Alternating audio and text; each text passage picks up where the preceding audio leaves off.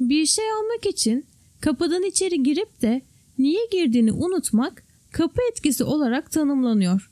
Psikologlar bunun insan hafızasının güçlü yönlerinin yanı sıra zayıflıklarını da ele verdiğine inanıyor. Herkesin başına gelmiştir. Koşarak kapıdan içeri girip de ne almaya gittiğimizi unuttuğumuz çok olmuştur.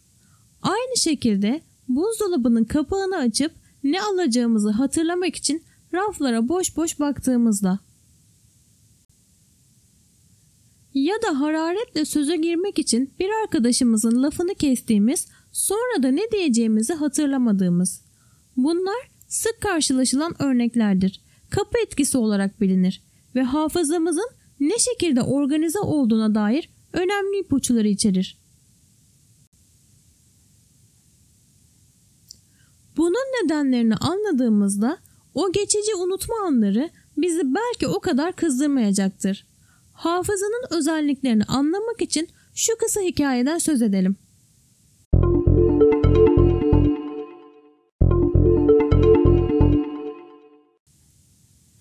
Bir kadın bir gün üç inşaat işçisini öğle tatili sırasında görür.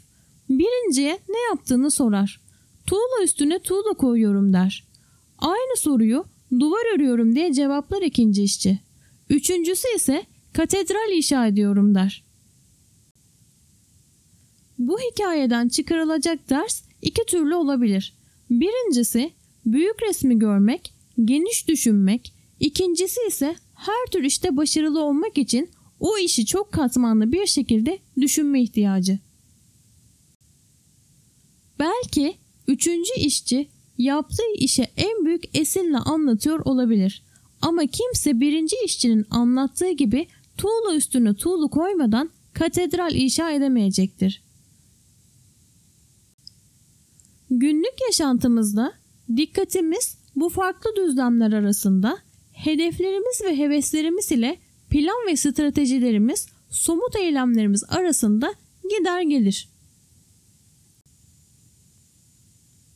Her şey yolunda gittiğinde ki genellikle aşina olduğumuz durumlarda böyle olur. Dikkatimiz ne istediğimiz üzerinde yoğunlaşır. Ona nasıl ulaşacağımız konusunda kafa yormayız pek. İyi bir şoför vitesi, sinyalleri ve direksiyonu otomatiğe bağlamış gibi düşünmeden kullanabilir ve dikkati yanındaki kişiyle sohbete yoğunlaşmıştır. Fakat aşina olmadığımız bir durumda dikkatimiz yaptığımız iş üzerindedir ve büyük resimden uzaklaşmıştır o an için. Örneğin usta şoförümüz büyük bir kavşağa yaklaştığında konuşmayı keser. Aksi halde motordan tuhaf bir ses geldiğini duyarız. Dikkatimizin bu eylemler zinciri içinde bir aşağı bir yukarı gelip gitmesi karmaşık davranışlarda bulunmamızı sağlar. Kapı etkisi işte dikkatimizin bu farklı düzlemler arasında gelip gitmesi sırasında meydana gelir ve hafızamızın içinde bulunduğumuz çevreye nasıl bağlı olduğunu yansıtır. Farz edelim ki anahtarımızı almak için yatak odasına giriyor ve ne alacağımızı unutuyoruz. Psikolojik açıdan olan şudur.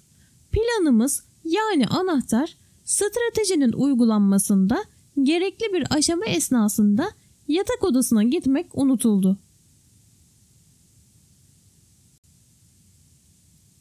Planın kendisi de muhtemelen daha büyük bir planın evden çıkmaya hazırlanmak parçasıydı.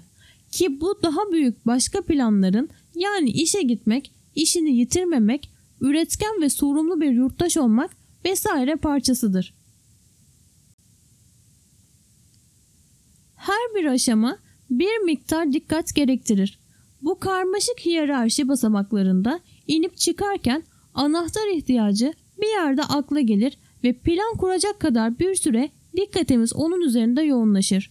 Ama hemen ardından başka bir şeye kayar. Yatak odasına yürümek ya da elbiseleri kimin yerde bıraktığını ya da işe gidince ne yapacağınızı düşünmek ve benzeri gibi. Hafızamız belli bağlantılarla örülmüş bir ağ gibidir. onları oluşturan fiziksel ortam olabilir. Örneğin çocukluğumuzun geçtiği evi ziyaret ettiğimizde daha önce unutulmuş anıların hatırlanması bundandır. Hafıza zihinsel ortamda da oluşmuş olabilir. Bir şey aklımıza geldiğinde başka bir şeyleri düşünüyor olmamız gibi. Kapı etkisi hem fiziksel hem de zihinsel ortamı değiştirdiğimizde başka bir odaya geçip başka şeyleri düşündüğümüzde meydana gelir. Yapmaya çalıştığımız birçok iş arasında acelece düşünülmüş bu şey ortam değiştiğinde unutulur. Bu karmaşık eylemleri nasıl koordine ettiğimize, tuğlaları doğru bir şekilde üst üste koyarak hayatımızın katedralini nasıl inşa ettiğimize dair ipuçları sunan bir olgudur. Mutlu yaşıyorsunuz ve bu durum çok hoşunuza gidiyor. Herhangi bir kapıya girmeye ve hatta bazen tekmelemeye hazır bir iyimserlik çantasına sahip pembe gözlükler takıyorsunuz. Yakın gelecekte bir seçenekle yüzleşmeye hazır olun.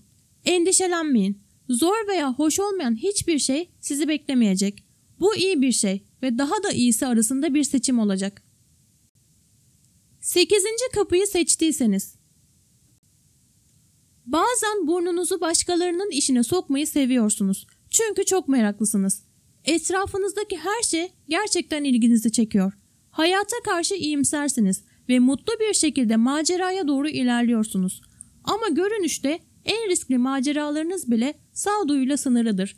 Tereddüt etmeyin. Güvenle ilerleyin.